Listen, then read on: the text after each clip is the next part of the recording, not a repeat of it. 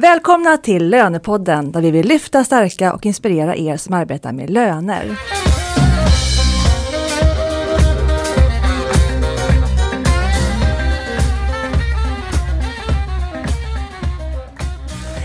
Jag heter Katarina Sand och jag jobbar på Vice Professionals där vi rekryterar och hyr ut lönekompetens. Vi har två samarbetspartner i Lönepodden och det är SRF-konsulterna och Knowit HRM. Min bisittare idag är Karin Strindmark på Knowit. Välkommen! Tackar! Du har en ny roll. Du är numera ansvarig för effektivisering och automation på Knowit. Mm. Du var tidigare vice VD på Knowit HRM. Precis, mm. stämmer. Temat för idag det är starta eget. Och vi har bjudit in två härliga tjejer.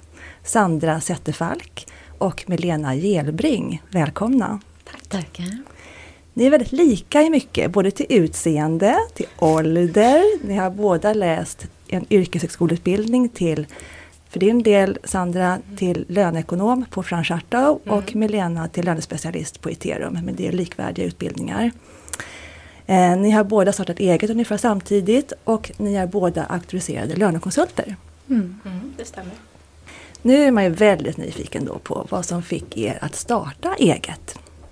Berätta lite, Sandra, ska du börja? Ja, jag är uppvuxen med föräldrar som har ganska långa anställningar som har varit med i den här med guldklockekarriären. Eh, men jag har mer en, eh, mer, lite mer rastlös skulle jag säga. Eh, och jag har jobbat på flera löne och redovisningsbyråer. Och då var det också uteuppdrag där. Och det var det jag fastnade för och började tänka, men jag kanske kan vara på uteuppdrag på egen hand, konsulta. Eh, istället, via, istället för via en lönebyrå. Eh, och jag hade en kompis, en studiekompis, som eh, hade startat upp några år tidigare. Så jag frågade ut henne en massa eh, innan jag liksom sa upp mig och eh, körde igång. Det skedde ju lite parallellt då förstås. Ehm, och eh, det jag tycker är roligt med det eh, är ju den här flexibiliteten, att man kan välja olika längder, sysselsättningsgrader och omfattning, olika typer av företag. Och hur länge har du varit egen? Eh, sedan 2015. 2015. Mm. Och du då Milena? Jag hade inte riktigt tänkt att starta eget um, riktigt när jag gjorde det. Utan uh, jag, jag hade egentligen tillsammans med min man bestämt att när vi fyller 40 då, då ska vi starta eget. Uh, båda vi kommer från outsourcingbranschen samma bakgrund som Sandra. Eh, hanterar många olika företag, har fått se väldigt mycket och eh, känner att jag har mycket kvar att lära och väldigt kul att komma ut och träffa nya kunder och företag och så. Eh, sen när jag blev föräldraledig så dök det upp en fråga om jag ville börja som lärare eh, inom lön. Och eh, jag var jättesugen på att utbilda och att lära ut så att jag tänkte att ja men det borde jag kanske hoppa på. Och då behövde jag ha ett företag för att de tar in underkonsulter som lärare. Så då tänkte jag att jag startar upp ett företag och testar på att vara lärare. Eh, samtidigt som jag hade en anställning så att jag säkrade upp lite grann. Eh, och sen var det så kul. Eh, så att jag gick över helt och hållet till att bara köra eget. Och vilket år var det? Eh, jag startade företaget 2016. Eh, men sen har jag varit, när jag sa upp min säkra anställning, det är från och med i år. Jag måste fråga dig, när du sa att du började fråga din kompis massor med frågor. Ja. Vad, vad var det för frågor som du ställde till henne? Vad liksom, kommer du ihåg vilka de viktigaste stora frågorna var? Ja, alltså mycket kan man ju leta upp på nätet. Eh, på verksam.se och liknande. Men det var väl mer lite privata, eh, mer liksom detaljer som man inte kan läsa sig till. Som jag frågade henne om. Lite hur eh, detaljnivå, hur planerar du din budget? Eh, vad, vad, är det för typer av uppdrag som du får? Hur brukar du sälja in dig? Eh, lite sånt som kanske inte går att läsa sig till för vi, eh, hon och jag hade ju samma bakgrund. Är det lätt att hitta uppdrag? Och hur gör ni det? Det beror lite på vilken inriktning man har. Jag är ju lite överallt. Eh, jag kommer både från systemsidan, eh, så jag hjälper till mycket med system. Jag har jobbat med outsourcing, så att jag har en del outsourcingkunder som jag gör lön för. Och sen är jag lärare inom lön, så jag känner att jag står på väldigt många olika ben. Mm. och jag tror det beror lite på om man är väldigt specialiserad på att jag vill bara jobba med outsourcingkunder eller jag vill bara jobba som interim och jobba ute hos en kund. Eh, beroende lite på hur man begränsar sig. Men just nu skulle vi säga att efterfrågan på, på lönekonsulter generellt är väldigt hög. Eh, och kan man tänka sig att ha kortare uppdrag eller även föräldravikariat och sådana så är det en väldigt god marknad. Eh, det är ju snarare att man blir headhuntad än att man kanske behöver marknadsföra sig. Eh, är min upplevelse i alla mm. fall. Jag håller med dig. Just sårbarheten är ju lite icke-fråga just nu. Jag brukar säga att varje gång jag eh, letar ett nytt uppdrag blir det som att ta tempen på marknaden. Eh, hur, vad, vad, frågar de efter där ute? Eh, är det någonting kanske som jag behöver lära mig som jag inte har som kompetens? Eh, och vad, vad, vill jag också eh, ta för uppdrag? Eh, och det brukar gå ganska fort, ledtiden från att jag börjar leta uppdrag till att jag får ett. Eh, så tillvida att jag hittar ett som jag tycker är roligt. Det kan ju säkert ta, nu senast var det en vecka. Okej. Okay. Mm. Du säger att ni väljer det som är roligt. Känner du att du har så pass många så att du faktiskt kan välja också? Att du kan vara lite kräsen? Ja, och det, det, ska man vara. För man kan ju bli ganska så smickrad eh, från början eh, av om det är något väldigt bra företag. Men man vet ju inte hur just jobba med lön. Vad, vad innebär det på det här företaget? Så att det, jag brukar tänka så här, nu ska jag ställa väldigt mycket frågor. För det är en ganska kort intervju som man har. Det kanske är en eh, timme som man sitter med eh, den som ska anlita en. Eh, så att ställ massa, massa frågor för att få en uppfattning. Och då kan det ändå vara att det inte riktigt är så som man tänkt men att man kan plocka någonting från uppdraget, att det är ett system kanske som man vill lära sig eller någon annan kompetens. Ni bor ju båda två i Stockholm och verkar här. Tror ni att det ser likadant ut över hela landet, att det är lika lätt att få uppdrag? Nej, jag tror nog inte riktigt det. Nej. Eh, jag tror att vi har generellt mycket, mycket lättare i Stockholm. Eh, kanske även Göteborg, Malmö, storstadsregionerna eller kanske där det finns mycket stora lönecentra. Ehm, men jag tror inte att det generellt är så över hela eh, Sverige. Men jag vet inte Nej, exakt. jag tror inte heller det. Och när jag har varit på kurser har jag pratat lite med andra som har kört eget. Och då har jag fått med uppfattning om att de har, eh, kör med som en byrå. Att de tar hand om med outsourcade löner som de sitter på distans med. Mm. Att de inte är så mycket ute på företag. Kanske är emellanåt med korta uppdrag. Eh, men eh, då finns det ett sånt upplägg istället har jag förstått det som. Men det här med sårbarheten när ni sitter då med, med egna uppdrag. Om ni skulle bli sjuka, behöva ta semester, hur löser ni det? Ja, om man blir sjuk så blir man ju sjuk. Det är ju precis som på en anställning. Eh, det är inte så mycket man kan göra. Eh, eh, ofta så har man ju då en, en buffert för de första 14 dagarna. får man ju själv betala sjuklön precis som på en anställning betalar arbetsgivaren sjuklön. Eh, så en buffert är ju bra.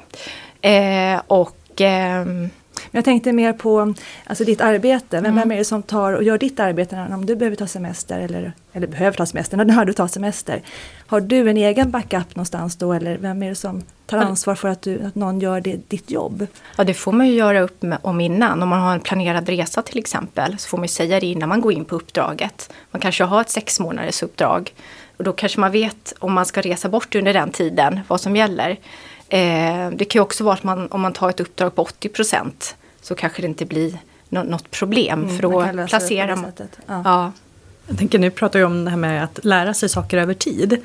Ena är som, har ni sett, har du sett att det är saker, eller båda två, har ni sett att det är saker som har förändrats över tid som ni känner så här, oh, det här måste jag lära mig.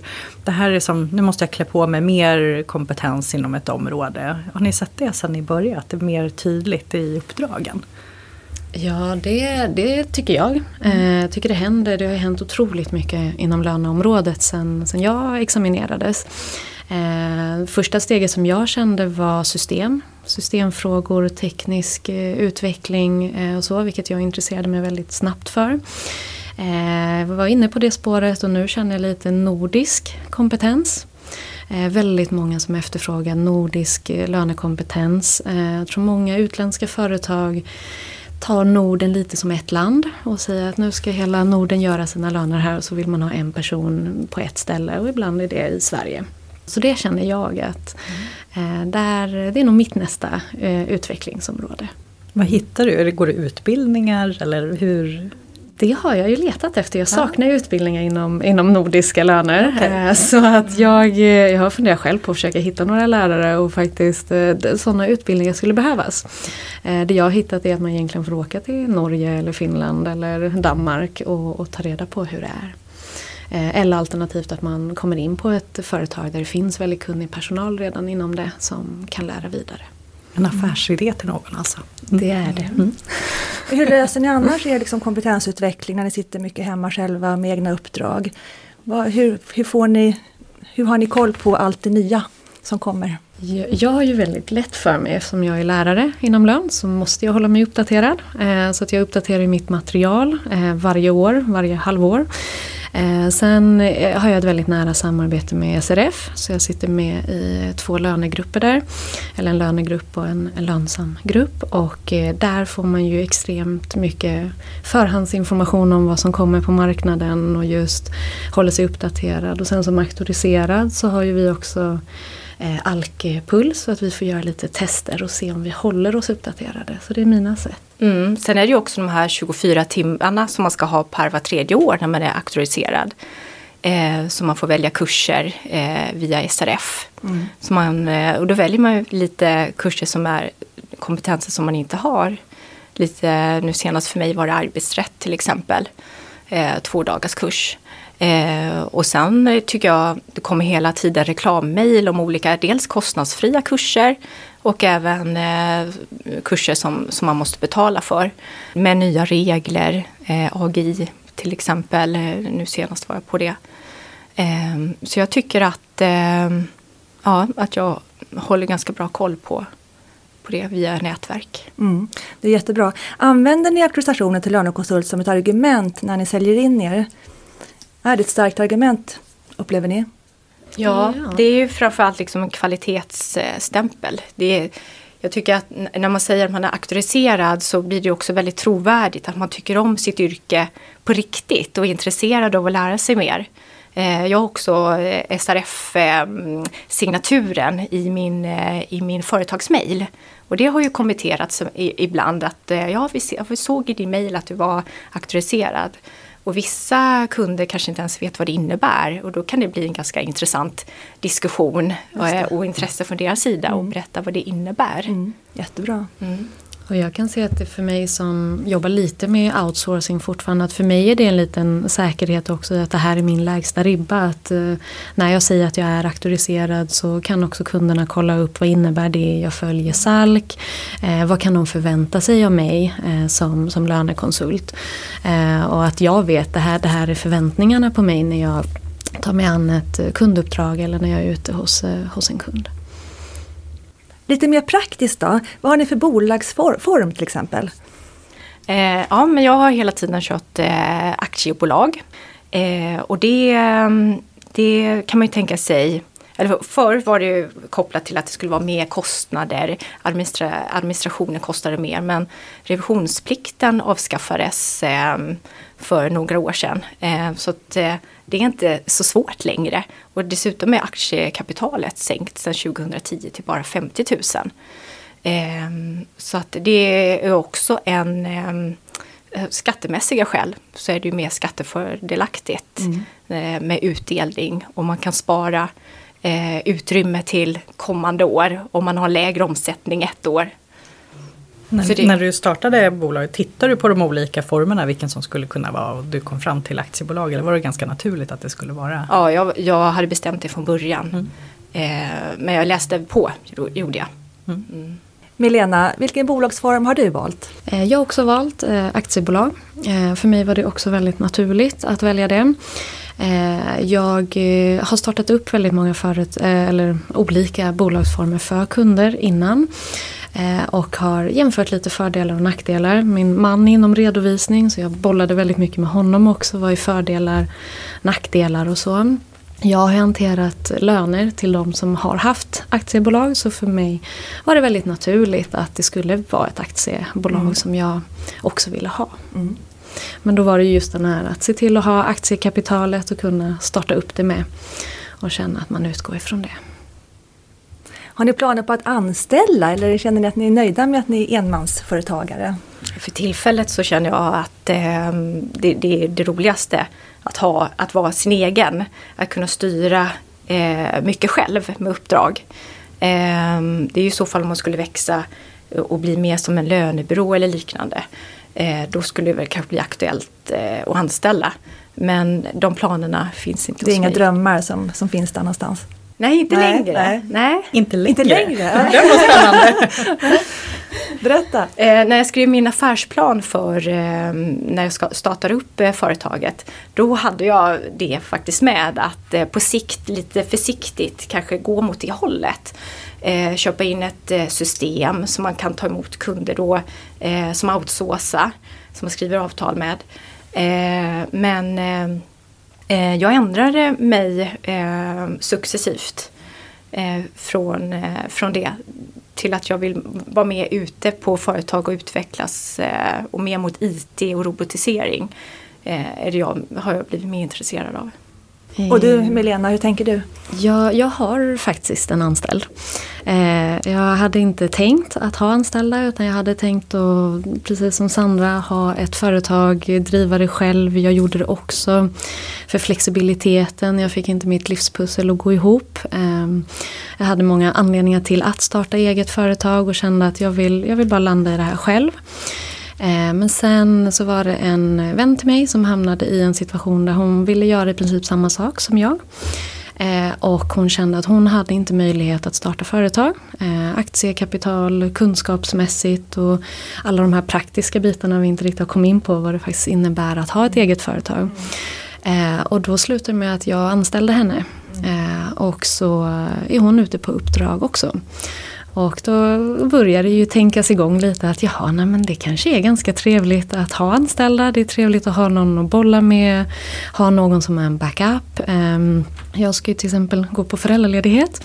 Eh, och då är det ganska bra att ha ett lite större nätverk och faktiskt veta att man har någon som kan täcka upp bakom en. Eller, eh, när man hamnar, man, man, man vill oftast ha någon att diskutera lite med. Och det är ganska ensamt att vara just egen, eh, kan jag uppleva ibland. Eh, så att nu har mina funderingar börjat gå till att jag kanske ska ta in några anställda och eh, framförallt så tycker jag om att utbilda så att jag matchar gärna med någon som kanske inte kan lön jätte, jättebra eller som vill utvecklas inom något område som jag kan hjälpa till med. Eh, Och just personer som suttit i samma situation som mig att man får inte livspusslet att gå ihop. Eh, Och där eh, hoppas jag att jag också kan hjälpa till på vissa sätt. Så jag har lite egenanställningar i mitt företag. Eh, Du sa mer, mer, mer praktiskt då, praktiska utmaningar kring att starta eget. Vad, vad vill du säga där? Nej, jag, jag, tänker, jag tänker att jag har så mycket på köpet av att jag har startat upp andra företagskunder och jag vet att man ska registrera sig som arbetsgivare. Man behöver registrera sig på Bolagsverket för att få ett organisationsnummer. Man behöver registrera sig för F-skatt och för alla andra så tror jag inte att det är helt självklart vad man faktiskt behöver göra. Eh, sen har man ju hela bokföringen, vem ska göra bokföring, årsbokslut, ska man ha en redovisningskonsult eller revisor och att man behöver ta ställning till de sakerna. Och sen även det finns fördelar med till exempel ett aktiebolag, kunna ta utdelning. Men man ska kunna räkna på det och hur maxar man? Eh, vad ska man ta ut för lön? Eh, lite skatteplanering. Eh, och alla de praktiska bitarna. Och, och då har vi inte ens kommit in på budget och vilket timpris ska man ta, hur många kunder behöver man ha. Och det är ju lite de här sakerna man kanske behöver planera innan och veta lite hur, hur tar jag reda på det, kan jag det redan? Och sådär. Är det någon av de delarna som ni känner, för det, när, när vi träffar personer, när jag träffar personer som är egenkonsulter så är ju oftast den här den stora eh, förflyttningen om man inte har varit konsult innan är ju prata just timpriser, hur mycket beläggning måste jag ha för att få rätt intäkter och så vidare. Liksom, har ni haft hjälp i de diskussionerna eller har ni suttit själva liksom, vid köksbordet och räknat eller hur, hur har ni gått tillväga? Eh, men jag har haft koll på marknaden, alltså andra kollegor som har varit eh, som konsulter. Så man hör lite med dem. Men sen får man ju också göra en egen beräkning, precis som du säger. Att man, eh, vad vill jag ta ut i lön? Hur mycket kommer jag arbeta? Eh, man får lägga till sociala avgifter. Man vill ju också kunna betala pension och eh, försäkringar. Sen är det ju alla övriga kostnader också. Det ska ju inte bli sämre för att man är egen. Eh, utan man får räkna till friskvårdsbidrag och som man kan ta ut sådana saker. Man kanske behöver köpa in en dator. Eh, och sen tycker jag man kan lägga till en premie också för att man står utan anställningsskydd. Eh, man kanske har ett uppdrag på sex månader, vet inte vad man gör efter sommaren till exempel. Och det tycker jag med all rätt att man ska lägga till en viss procent för. Så att man även kan ta ut semester och kunna leva bra.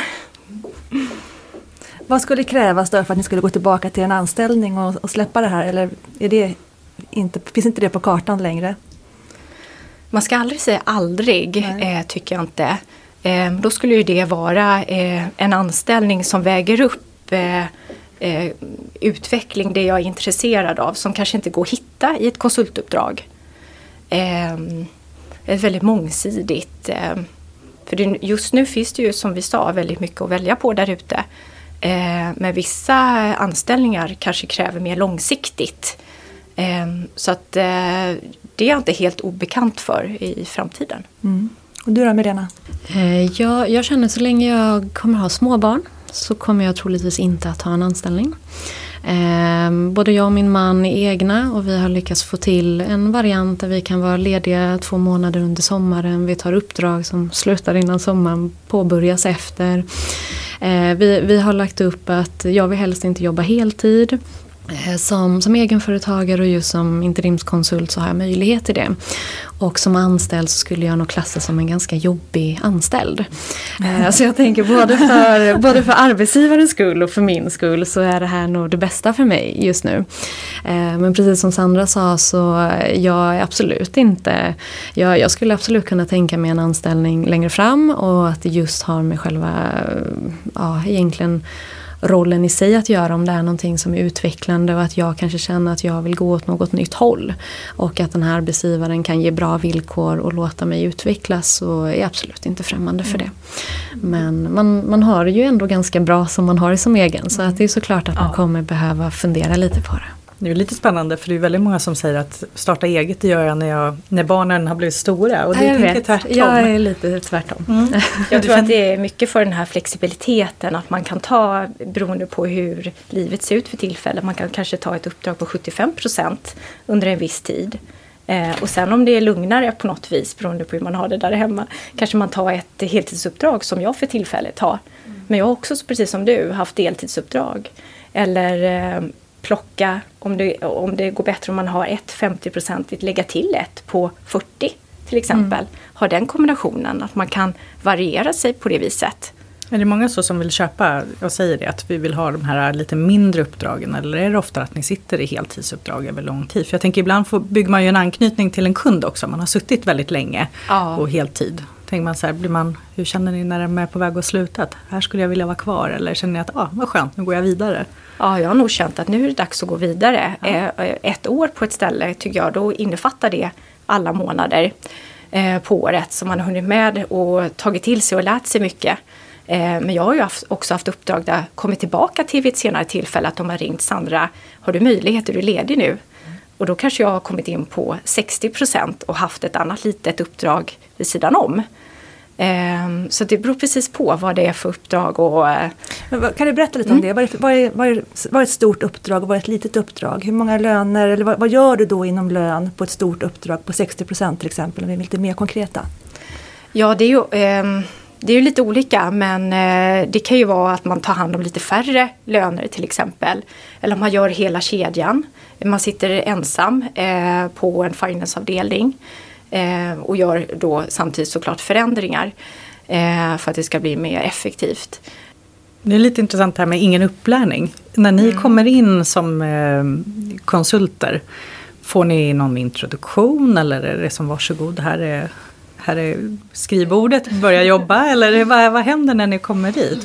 har ni några tips om hur man ska faktiskt få en introduktion eller komma in på rätt sätt? Det, det, är nog väldigt olika beroende på vilket uppdrag man tar. Eh, generellt kanske tar man, tar man över efter någon, en, en föräldravikariat eller så, då ser ju de oftast till att man hinner gå parallellt med den personen. Får, man får alla inlogg och man får veta vad man ska göra om det är nya system och sådär. Eh, jag är ju väldigt intresserad av lite de här som har hamnat i kaos. Eh, som kanske inte riktigt har koll på sina delar. Där det kan vara att nu har vi en som har varit sjukskriven i tre veckor och hon kom inte tillbaka. Eh, och då kan man oftast inte förvänta sig någon överlämning utan då vill de ha in någon som kan sätta sig in i situationen man får klura ut lite hur kommer jag in i systemen, vart finns systemen, vilka system finns, vad har ni? Och jag drivs lite av att få... Det är en få... rejäl utmaning det. Ja, jag, jag drivs lite av portion av att nyfikenhet och mod krävs nog för att klara av det där. Ja, det, men det triggar mig Ja. lite grann och det som kanske mest triggar är att kunna lös, lösa upp det där och se att titta nu, nu blev det bra. Eh, nu löste jag en situation åt någon som var lite i trubbel och så har man, man lär sig ju alltid själv någonting också. Eh, men självklart går man ut på arbetsplatser där det kanske är under lite mer ordnade former. Jag var på en projektanställning i, i våras och då, då hade jag att jag skulle få över ett, ny, eller ett, ett uppköpt bolag in i samma lönesystem som, eh, som det ordinarie bolaget var i. Eh, och även implementera ett tidrapporteringssystem. Och då hade jag ju väldigt noggrant, de här systemen ska det vara, den här tidslinjen har vi på oss. Sen stöter man alltid på lite patrull och sådär men då, då fick ju jag en handledning i vilka system är och en utbildning i de systemen jag inte kunde. Eh, och sådär. Så att eh, det kan nog se olika ut. Ja, jag skulle nog säga att oftast så är det ju ganska turbulenta uppdrag som man kommer in i. Det är ju sällan de söker konsulter som är lugna utan då är det oftast en eh, organisationsförändring eller förvärv eller kanske har varit en hög personalomsättning som beror på någonting i början. Så att då är det ju oftast att man behöver hoppa in snabbt för annars kanske de lika väl skulle kunna anställa om det inte beror på ett anställningsstopp av, någon, av liknande skäl. Eh, så att man får nog vara ganska så här cool när man kommer in på uppdrag. Eh, Eh, det, det kan vara svårt att eh, snabbt sätta sig in i det men man får på något vis ha i tankarna att man får ta en, en dag i taget. Sen lär man sig, tycker jag också, att eh, eftersom man kanske har under ett års tid tre stycken uppdrag som man börjar på. Så man blir ganska van i det här, den här känslan som man har när man kommer in och det känns som det är kaos. Eh, att bitarna lägger sig på plats till slut. Det gäller bara Men att kan- ha tålamod. Precis, men kan inte det vara ganska riskfyllt också? Jag tänker om du då har ett, ett 60% uppdrag som löper på och sen får du ett till då på 30% kanske som är ett sånt där utvecklingsprojekt du ska gå in och, och, och fixa till någonting sådär. Du har ju ingen aning om hur mycket det egentligen är när du börjar liksom vända på stenarna. Ja, och det, och det då kan det ju bli mer än 100% arbetstid plötsligt, eller heltid. Och där, och där tänker jag lite det du sa Sandra i början att man behöver verkligen fråga kunderna vad är det som ingår i det här uppdraget. Ja. Och att man Väldigt är väldigt noga noggrann där. Eh, För jag var också med om det. Jag tog en 75% i anställning på ett uppdrag som visade sig att det här är ju 100. Eh, Nu kommer jag från outsourcingbranschen. Eh, Jag är väldigt effektiv av mig så jag vet att jag jobbar ganska snabbt. Men hade, jag inte gjort det så hade jag fått jobba mycket mer än 100% för att klara av deras förväntningar. Där lärde jag mig min läxa att okej, jag trodde att jag hade koll på uppdraget. Men det var saker som jag inte hade fått sagt till mig. Som saker som inte var bestämda, saker som drog ut på tiden. Eh, och precis som, som Sandra sa där att man måste verkligen jättenoggrant ha en arbetsbeskrivning. Vad är det som ingår i min, min roll? Vad är det ni vill att jag ska utföra? Vad är förväntningarna? Sen kan de absolut ändras. Men då ska man ju ta en diskussion kring det. Att hinner du med även det här? Eh, och nu har jag hittat en massa saker, vilket man oftast gör när man är ute på ett uppdrag. Eh, vill ni att jag ska åtgärda det här också? Eller mm, nu, jag lyfter bara upp sakerna jag har hittat och så får man kanske ta det vid ett senare skede. Men hur tar ni betalt då för de här uppdragen? Ett svällande uppdrag, lägger ni på, saltar ni notan då eller hur, Eh, hur jag går tar ni tillväga? Eh, ofta så tar jag, eller det jag alltid gör, tar jag timdebitering. Utan det, det är ett eh, liksom, timpris som jag bestämmer från början. Ehm, och eh, det är ju den avtalade tiden som vi kom överens om. Sen om jag arbetar 38 timmar en, veck, en, en vecka till exempel, då är det de 38 timmarna jag tar betalt för också på fakturan, fast månadsvis då.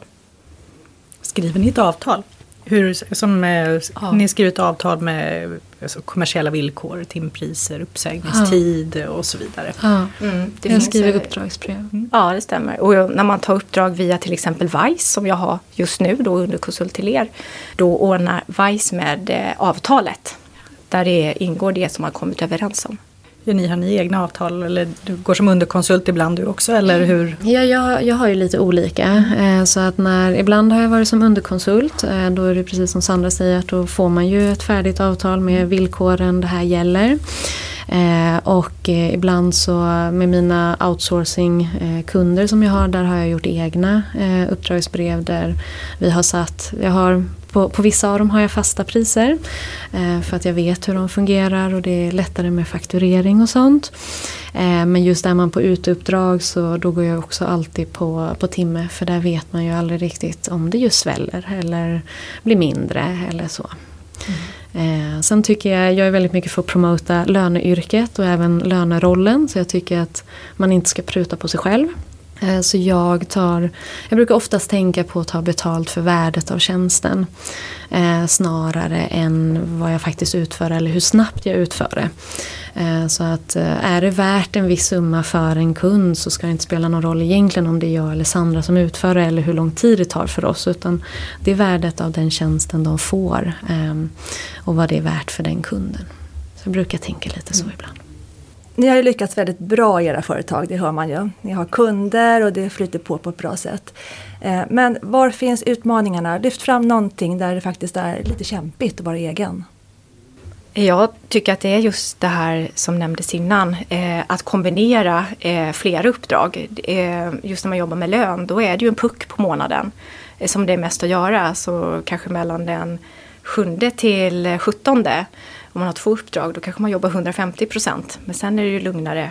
Men det är svårt att få det proportionerligt jämnt under månaden. Eh, och sen eh, om man, ändå om man har ett uppdrag i taget då kan det vara under ett års tid så hoppar man in tre gånger som eh, om man jämför med en anställning.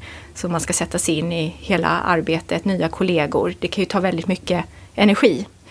Ehm, eh, som kan vara slitsamt. Eh, men samtidigt så är det ju väldigt roligt också som jag inte skulle välja bort. Och du då Milena? Eh, Jag kan känna att det, det, det mest kämpiga är nästan att eh, man får promota yrket väldigt mycket. Det är fortfarande väldigt många som inte vet vad lön är. Eh, och som inte är redo att betala för det. Och man vet att ni har problem, det här skulle behöva ordnas upp. Ehm, det är många som kanske mm, tar in för juniorpersonal eller personal utan utbildning. Eh, som ju längre tid det går så blir det lite värre och värre och så blir det mycket att reda upp. Och det är aldrig kul att betala för en utredning och eh, reda upp gammal, eh, gammalt. Fast många företag kanske behöver det. Och där kan jag känna att ibland är det lite motigt när man verkligen är helt olika i prisnivå. Att en kund förväntar sig att man ska komma in på en, på en timpenning som kanske motsvarar 20 000 i månaden.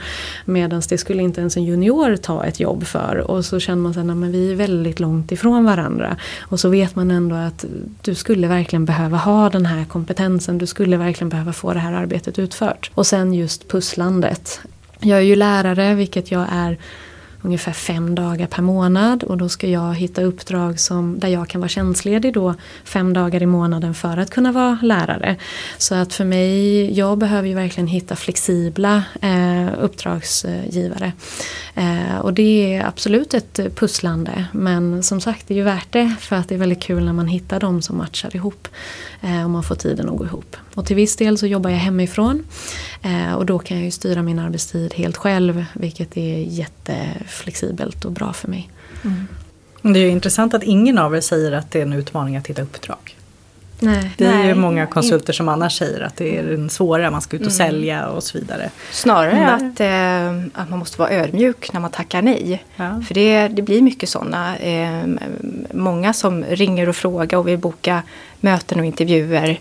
Eh, och det kan ju vara smickrande. Men man får samtidigt inte boka in för mycket. Eh, till slut har man en vecka med sju stycken intervjuer och man ska leta ett nytt uppdrag. Och då mycket bättre att fokusera sig på de som man verkligen vill ha. Man kanske väljer ut tre stycken uppdragsgivare som, som är inom eh, den typ av eh, uppdrag som jag tycker om. Mm. Eh, och sen är det också eh, att man snabbt ska ta beslut. Det kan vara att de behöver ha in en så fort som möjligt. Som jag sa innan att det kan vara en veckas eh, ledtid. Ehm, så ehm, jag tror att din fråga är väldigt bra där. För jag har fått höra från väldigt många just att jag tycker inte om att leta uppdrag. Jag vet inte hur jag ska sälja mig själv. Jag vet inte vilket pris jag ska sätta och jag säljer mig alltid för billigt. Eh, och att många känner att men man kanske går på det här att ja, nej, men jag är inte värd mer än så här. Och så kanske de tar ett uppdrag där de får lite mindre betalt än vad de faktiskt tycker att de utför en tjänst för. Eh, och som kanske då kan kännas lite motigt. Att eh, nej, men det här känns inte nästan värt det för mig att göra det här uppdraget för jag fick inte riktigt som jag ville. Så jag tror just där att eh, vara lite självsäker i sig själv och sin roll och sitt yrke. Eh, och att kunna just prata och våga sälja sig själv. Det är nog ganska svårt för många. Eh, jag har ju jobbat med offerter och lagt offerter i, i tio år så att eh, jag har, jag har blivit ganska van vid att sälja mig själv på det sättet. Men det tror jag är en väldigt stor tröskel för många att ta sig över eller känna att det, det kan vara motigt. Vad är då ert bästa tips till lyssnaren där ute som nu börjar fundera på att ah, det här kanske är någonting för mig, jag kanske ska våga ta det där steget.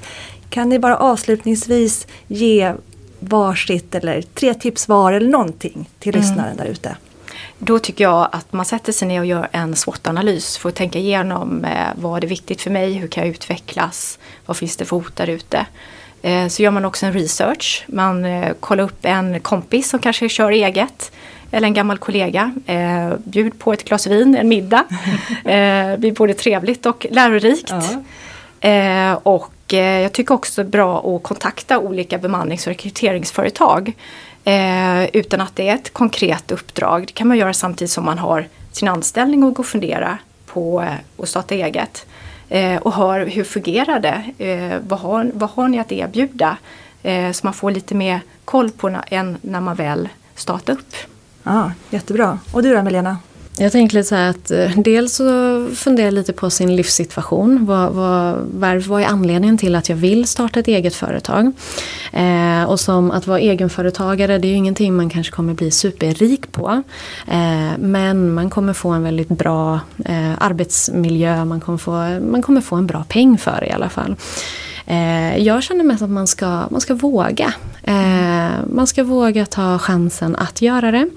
Eh, och vad är det värsta som kan hända? Ja, men det är att man låter sitt företag ligga vilande så man tar en ny anställning. Just nu ser arbetsmarknaden ut för lönekonsulter väldigt bra även som anställning. Så att skulle det inte funka att starta ett företag så kan man ju alltid gå tillbaka till en mm. anställning. Eh, och utan att ha behövt investera jättemycket pengar i det. Mm. Så att eh, våga eh, ta risken, men precis ta, ta hjälp och råd. Jag dricker inte ett glas vin men jag tar gärna lunch. ja, jättebra. Ja, vad härligt eh, ja. Karin, alltså, jag känner mig själv inspirerad. Ja, det vågar man ju knappt säga om arbetsgivaren lyssnar på en. Ni får starta eget nu. Ja, men det är jättes... Mm. Ja, och det, jag kan tycka att det är otroligt spännande och just utifrån att det finns ju faktiskt kund, om man tar kundperspektivet, om, om man som konsult sätter sig i kundrollen. Så det, det du Milena är inne på det här med värdet. Och vad köper de? Ja, men de köper också flexibilitet, de köper ett värde. Eh, så att eh, behovet är ju jättestort där ute. Mm. Mm. Och det var jättekul att ni båda lyfte värdet av auktorisationen till lönekonsult. För nu vill jag passa på att tacka alla som eh, faktiskt kommenterade vårt bonusavsnitt. Och tack alla ni som deltog i vår tävling. Det var många av er som vann eh, SRF-konsulternas auktorisationsexamen och det är till och med en som har skrivit in till mig och eh, gjort det nu och lyckats. Så lycka till alla ni andra också. Och i den vevan kan vi också säga grattis tycker jag till årets eh, auktoriserade lönekonsult Katarzyna Kanieka på Assets Insight. Som fick den fina utmärkelsen. Eh, jag skulle också vilja passa på att lyfta att SRF eh, kommer ha ett, eh, ett litet ehm, seminarium eller workshop för just personer som vill starta eget. Lön Startup, där jag kommer vara med och finnas som diskussionspart 5 november. Så det kan man gå in på SRF och kolla på. Och då kan jag passa på att säga att vi på Vargs Professionals också faktiskt tänker ha ett seminarium kring det här med starta eget. För vi tror mycket, vi, vi ser att det här ligger, att det finns en trend att starta eget när man jobbar med löner. Nästa avsnitt, den 25 november, som också är årets sista, då är temat arbetsgivardeklarationen på individnivå. Eh, vi bjuder in eh, Helena Jangelstrid på Skatteverket och Jerusalem Vassyhen på Stureplansgruppen och Senny Sjölund på SRF-konsulterna. Om ni har frågor kring det här med arbetsgivardeklarationen på individnivå, mejla mig då före den 5 november så tar jag med mig dem till det avsnittet. Annars får ni gärna kommentera det här, dagens avsnitt, Starta eget, på vårt Instagram eller på Facebook. Tack till vår producent på Helst Kommunikation och tack till våra härliga gäster Sandra Zetterfalk, Melena Hjelbring och Karin Strindmark. Tack! Tack så, tack så mycket. Och tack där ute för att du lyssnar på Lönepodden. Vi hörs igen. Hej då! Hej då!